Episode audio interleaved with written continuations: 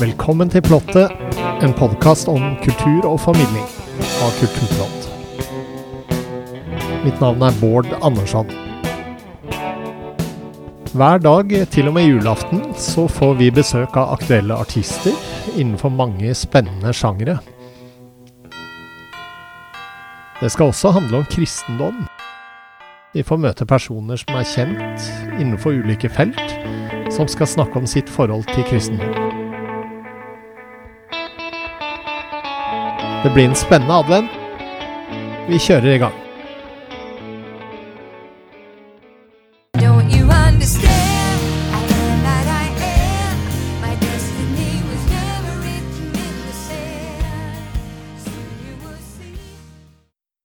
I dag har vi fått besøk av artist Therese Ulvan. Og hun er aktuell med albumet I Am, som kom ut i november. Velkommen til Plottet. Tusen takk, Bård. Det var så koselig å få komme. Ja, så fint å ha deg her. Jeg tenkte vi skulle begynne med å snakke litt om albumet ditt først. Ja. Hvordan eh, ble det til? Du, jeg eh, hadde så lyst til å skrive litt, sånn, litt mer rocka musikk. Jeg kommer egentlig fra jazzen. Og så har jeg alltid hørt så mye på blues og rock, og du husker Tina Turner og litt den schwungen der. Så snakka jeg med ei venninne i Sverige, så sa jeg ja, jeg har lyst til å prøve å spe- å spille litt mer sånn og sånn musikk, sa jeg. Ja, Litt sånn Lenny Kravitz, litt sånn rock'n'roll, skjønner du, seg. Og så sier hun ja, men jeg kjenner en som har jobbet med begge to, sier hun. Og så tenkte jeg tankens kraft, altså, tenker jeg da, vet du. Så satte hun meg i kontakt med han, og så sendte jeg noen låter over til han. Og så når han sa du, nå er jeg hjemme i Sverige, vi kan møtes, så flydde jeg over til Gøteborg. Og den første dagen vi møttes, så skrev vi en helt ny sang sammen. Vi fikk sånn kjempefin kjemi. Og det er så artig vet du, når det blir sånn, når det blir en leik. Det kommer så lett. Så det var starten på plata, da. Kult. Eh, på den første plata di så flytta du til Los Angeles og satsa på musikken. Stemmer det? Ja. Hvordan var det? Jeg hadde Nei, det var kjempeskummelt. Og kjempeartig. Du vet, det er utafor komfortsonen at magen skjer. Og så hadde jeg så lyst til å møte dem som var bak på LP-platene til mamma. Hvis du husker på dere Earth, Wind and Fire og Blood, Sweat and Tears og uh, ja, det gjengen der. Og tenkte jeg, ja, og de bor jo der palmene gror, tenkte jeg. Så for jeg til California. Og så tenkte jeg må begynne et sted, for jeg kjente jo ingen. Og så kom jeg inn på en musikkskole i Hollywood. Og så flytta jeg dit, så begynte jeg som lille frøken detektiv å leite etter folk da, som eh, jeg kunne møte. Og ennå husker jeg til Russell Frante, og han er en sånn kjempeflink pianist som spiller med The Yellow Jackets. Og han har jeg alltid sett sånn opp til. Og så eh, møtte jeg han, og så bare Men eh, du vet, i Norge så skal vi, vi skal jo ikke stikke oss fram for mye, ikke sant? For jeg var jo med i barnekoret på Itra, og da ble jeg jo kasta ut, for jeg sang for høyt. Så jeg hadde jo med meg den i bagasjen òg. så jeg ble stadig sånn lugga litt bak av eh, janteloven. og så pressa jeg meg selv litt fram, og så tilbake igjen. Så jeg husker på at eh, Lionel Richie så jeg veldig opp til, husker jeg på. Så jeg hadde sånn lest da, som jeg hadde laga meg. Og så var det dere Tower of Power og så gjengen der. Og så var jeg på leit, og så husker jeg på keyboardisten til Lionel Richie hadde et foredrag på UCLA på det universitetet. Og så for jeg dit da, med demonen min. Den gangen hadde vi jo CD-er i veska, ikke sant. Og så torsa ikke jeg gi inn demonen min, for når han var ferdig med foredraget, så var det liksom 100 amerikanere sånn Hey, here's my album, no, here it is, listen to me, mine. Og så, ikke sant? De sto sånn og gaula. Og så ble jeg lei meg. Jeg for ut i byen, og så tenkte jeg mm, Jeg bantes sånn. Men det skal ikke jeg gjøre på podkasten din. Det er lov. Det er lov. Ok, ja, nei, jeg bantes inni meg, så tenkte jeg det var ikke derfor jeg for til LA, for å være sjenert. Og så husker jeg på jeg dro på en sånn bitte liten jazzklubb som heter The Baked Potato. Og hvis du er i LA noen gang, må du dra dit. Og da var jeg med to venninner. av er i dag prinsesse av Ghana, andre er nyhetsreporter i Mexico. Og da satt jeg da djupt inni det andre vinglasset og bare I'm not made for this, I'm too shy. Og så inn døra til den lille jazzklubben kommer han keyboardisten. Og jeg bare Oh my God, this is a sign. Og jeg hadde jo fortsatt den CD-en i veska. Så jeg går bortover da, med sånn lilla tenner da, til rødvin og sa You better listen to my album, altså. og så gjorde han det. Og så ringte han meg, ja. Og så sa han I, I hate track number one seven og bla, bla. ikke sant? Men but I like number two. Do you have more of that? Så laug jeg, så sa jeg ja. Altså, men i hvert fall så begynte vi å skrive sammen, og han tok meg litt under vingen sin, da. Uh, og så uh, husker jeg på jeg fikk eh, å møte låtskriveren til Marvin Gaye, som også jeg skrev en del sammen med. Så jeg begynte liksom, jeg ble tatt litt under vingen til sånne snille folk. Jeg møtte ikke bare snille folk når jeg mista en stor kontrakt, for ikke jeg ville suge produsenten. Snakke meg metoo. Ja, men jeg fikk møte ordentlig, ordentlig fine folk som jeg har kontakt med en dag i dag. Og så møtte jeg og Jimmy Haslip altså, og de guttene som nå spiller på den første plata. da. Og dertil og Russell Frante, for det skader ikke å spørre. For spør du, så får du enten ja eller nei, eller kanskje. Men hvis du ikke spør og sitter på gjerdet og venter, så vet du i hvert fall at det blir nei. Ja. Så jeg bare spurte, så fikk jeg det til til slutt. Når det gjelder musikk, eh, når var det du visste at det var, var det du ville holde på med? Jeg var 13 da jeg begynte å spille i band, da.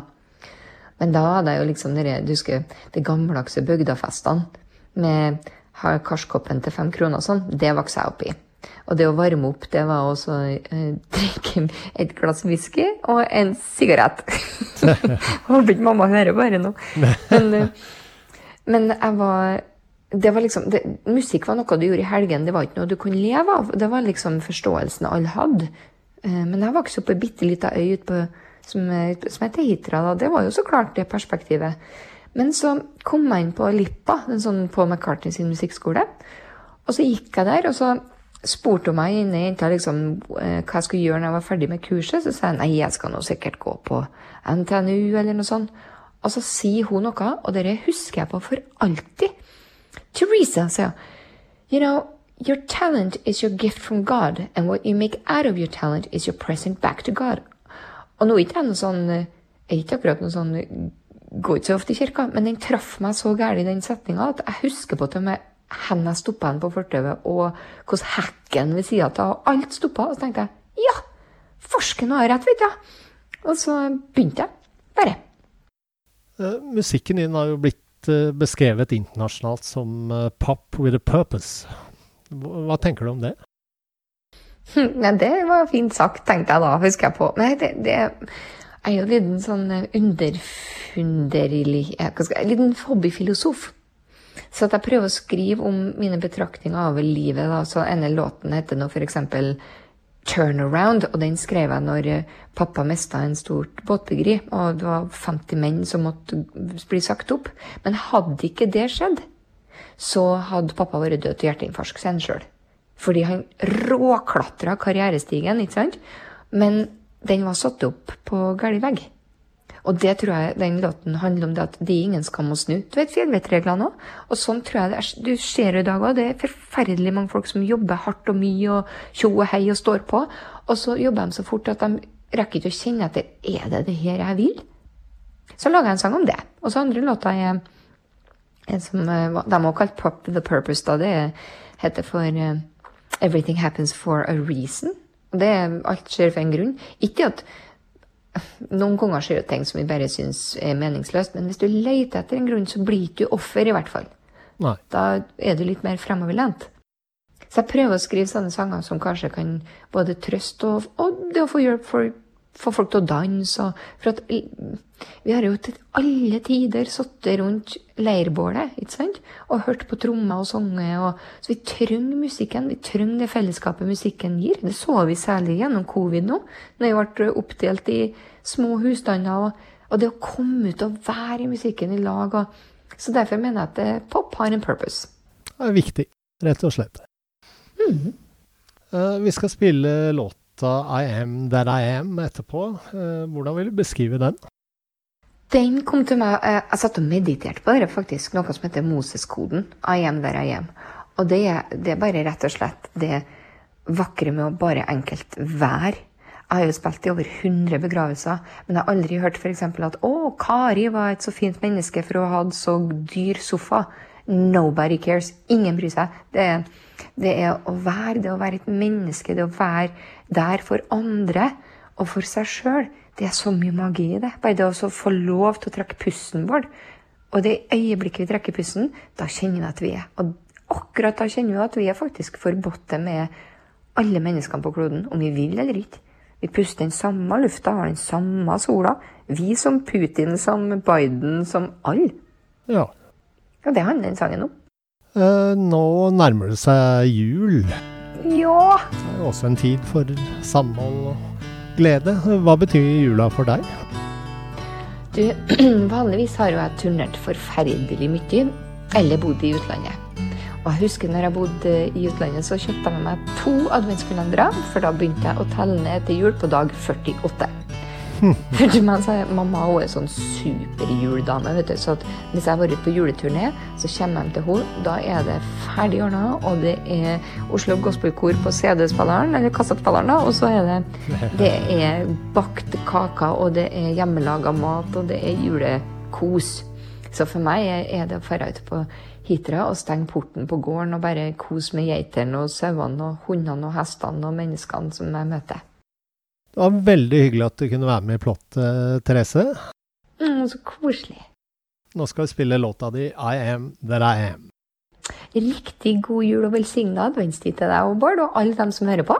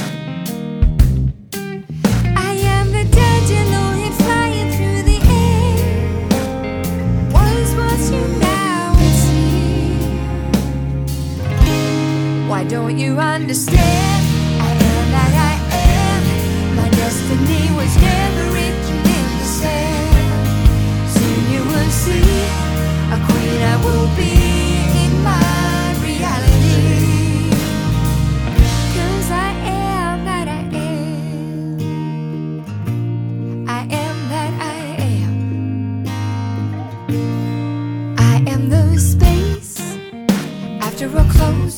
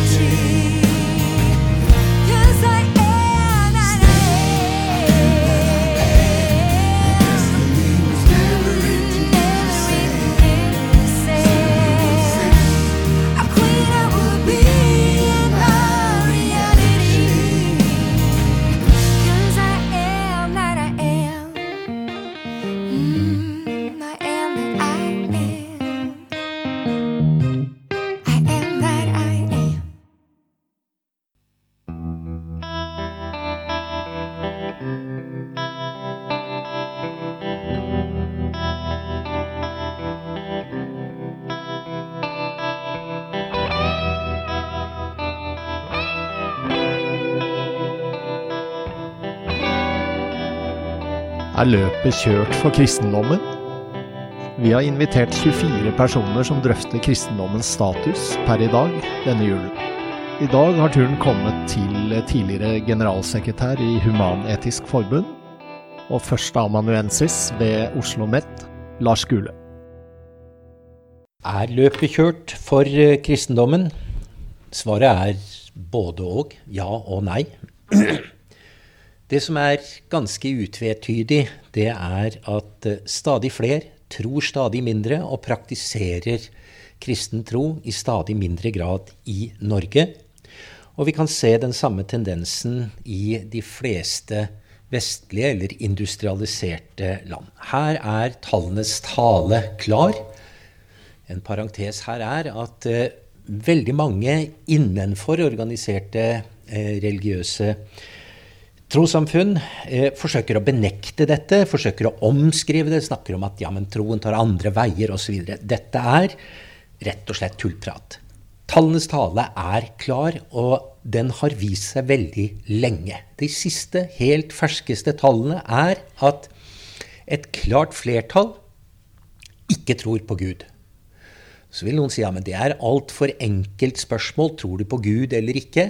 Nei, det er ikke et for enkelt spørsmål, fordi det er helt sentralt i troen, i kristendommen. Derfor er denne utviklingen, som vi har sett ganske entydig de siste 30-40 årene, i en norsk sammenheng, i en vestlig sammenheng, helt klar. Og så kan man spørre seg hvorfor. Hvorfor skjer dette? Hva er drivkreftene? Og svaret har tradisjonelt vært sekularisering. Og sekularisering er interessante sosiologiske prosesser som har tre dimensjoner, etter min mening. Det første er den personlige troen. Med andre ord individets forhold til nettopp det religiøse, de religiøse påstander, dogmer osv. Så, videre. så har vi troens plass i det offentlige. Og med det offentlige mener jeg de statlige organers hva skal vi si, rom for religiøs tro. Noe som kommer til uttrykk i f.eks. lovgivning, i formålsparagrafer, det kommer til uttrykk i bevilgninger til religiøse aktiviteter. I en norsk sammenheng så betyr dette hvordan eh, Den norske kirke har vært finansiert av det offentlige. Igjen, her ser vi hvordan betydningen av Den norske kirke relativt sett har blitt stadig mindre. Rett og slett fordi budsjettene, statens budsjett, bruker mye, mye mer penger på andre ting enn Den norske kirke. Det er veier, det er skoler, det er forsvar, det er helsevesen. Det er en lang, lang rekke oppgaver som gjør at den relative andelen av budsjettene går ned, og dessuten prester har fått mindre å si. De sitter ikke som prester og biskoper ved kongens bord. Noen får tilfeldigvis oppgaver som statssekretær eller muligens også statsråder. Men det er sekundært. Man går ikke til Kirken for å få svar på viktige spørsmål som er statens anliggende, slik man gjorde for noen hundre år tilbake. Men så har, de, så har sekulariseringen en tredje dimensjon, som jeg mener også er viktig. og Den henger sammen med religionskritikken. Og det er den indre sekulariseringen. Det er, det er de ulike trossamfunnenes besinnelse på at de ikke har alle svar. At de i en betydelig grad erkjenner at svar på helt sentrale spørsmål, de finner man andre steder. Og da er det kanskje først og fremst vitenskapen det er snakk om. Man forteller at du får heller snakke med fysikere, kjemikere, astronomer, biologer, på Blindern for å få svar på en god del av disse spørsmålene om virkeligheten, hvor Kirken tidligere kunne tilby svar. Det er for så vidt bra. Det er også et resultat av religionskritikken. Men det er ikke religionskritikken som er hovedårsaken til den generelle tilbakegangen i eh, tro hos folk flest. Det skyldes andre ting. Og det har vært diskutert innenfor samfunnsfagene, ikke minst i sosiologien, hva kan årsakene være? Man har tenkt seg at det har med utdanning å gjøre. Opplysning, opplysningstiden har stått særlig sentralt. Rasjonaliseringen, eh, reduksjonen i de religiøse institusjonenes makt og innflytelse. Men det kan se ut som om forklaringen er ganske mye mer banal enn som så. To amerikanske samfunnsvitere, eh, Norris og Engelhardt, har gått gjennom et stort datamateriale i World Value Surveys. Dette er spørsmål som stilles til representative utvalg av mennesker over hele kloden, og man spør om hva de tror, hvordan de praktiserer osv. Tallene viser, igjen noe paradoksalt, at religiøs tro vokser i antall mennesker globalt sett. Men det er en stor forskjell på hvor eh, eh, denne veksten finner sted, og hvor du har en tilbakegang. Veksten i tradisjonelle religiøse oppfatninger sammenfaller med den demografiske utviklingen. Rett og slett, det blir flere mennesker som tror som en følge av befolkningsveksten. Enkelt og greit. Og samtidig går altså troen tilbake i de delene av verden hvor den materielle tryggheten har blitt størst. Derfor utvikler disse to statsviterne en teori, en sekulariseringsteori, om eksistensiell sikkerhet. Den eksistensielle sikkerheten er det et stort behov for i samfunn hvor man har materiell utrygghet. Hvor livet er prekært, hvor det er mulighet for en ulykke i morgen, hvor dine barn dør av sult, av sykdom, hvor avlingene slår feil, hvor naturkatastrofer kan slå til, hvor arbeidsmarkedet definitivt er eh, uklart og usikkert. I disse landene bevarer troen sin rolle. I de vestlige, utviklede land med etablerte velferdsstater, så går troen tilbake. Med andre ord, den materielle sikkerheten ser ut til å overta der hvor eh, man har tidligere hatt et behov for eksistensiell eh, sikkerhet.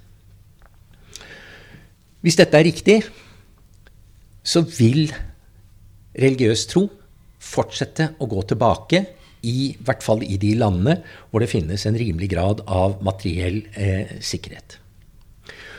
Det vi ser, det er altså at i en norsk sammenheng så er det de nye religionene som står sterkt. Og det er grunn til å tro at det vil de fortsatt gjøre eh, en stund. Eh, muslimer tror mer, praktiserer mer enn den gjennomsnittlige eh, nordmannen eh, gjør det. Men det gjør også katolikker. Og de har det blitt mange flere av i eh, Norge. Og mange av dem kommer, har, har, opprinnelsesland hvor religionen nettopp står sterkt av de grunnene som jeg har eh, skissert. Det betyr at vi sannsynligvis vil se en forskyvning fra eh, aktiviteter innenfor rammen av Den norske kirke og over i andre eh, trossamfunns eh, religiøse aktiviteter. Når det gjelder kristendom, vil eh, eh, katolisismen fortsatt eh, stå sterkt, muligens også vokse, få en appell de, hos de som fortsatt ønsker å tro og praktisere, framfor i Den norske kirke. Religionskritikken vil selvfølgelig også påvirke disse nye trossamfunnene, men den påvirkningen vil ta tid. Imidlertid så kan vi håpe at religionskritikken vil innebære endringer også i disse nye trossamfunnenes maktutøvelse. For her er det fortsatt mye som er uh, uheldig, uh, og en del av dette gjenspeiles også i den sekulariseringen vi har sett i en norsk sammenheng.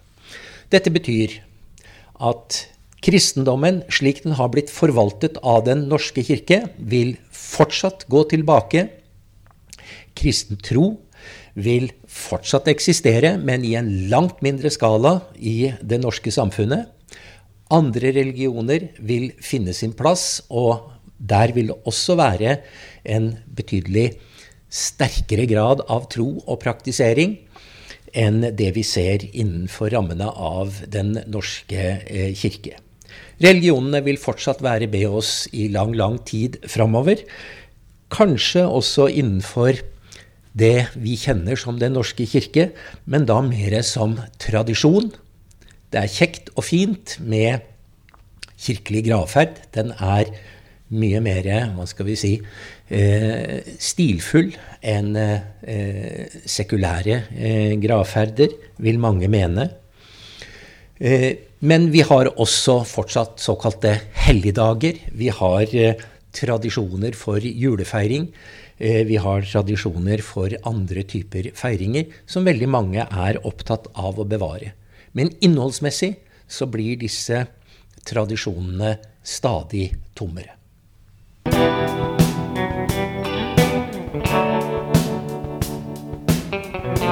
Følg med på alt som skjer i kulturverdenen på kulturplott.no. Der finner du også et tilbud på Kulturplott og magasinet Samtiden på 150 kroner for seks måneder. Programleder og teknisk ansvarlig for denne sendingen var Bård Andersson.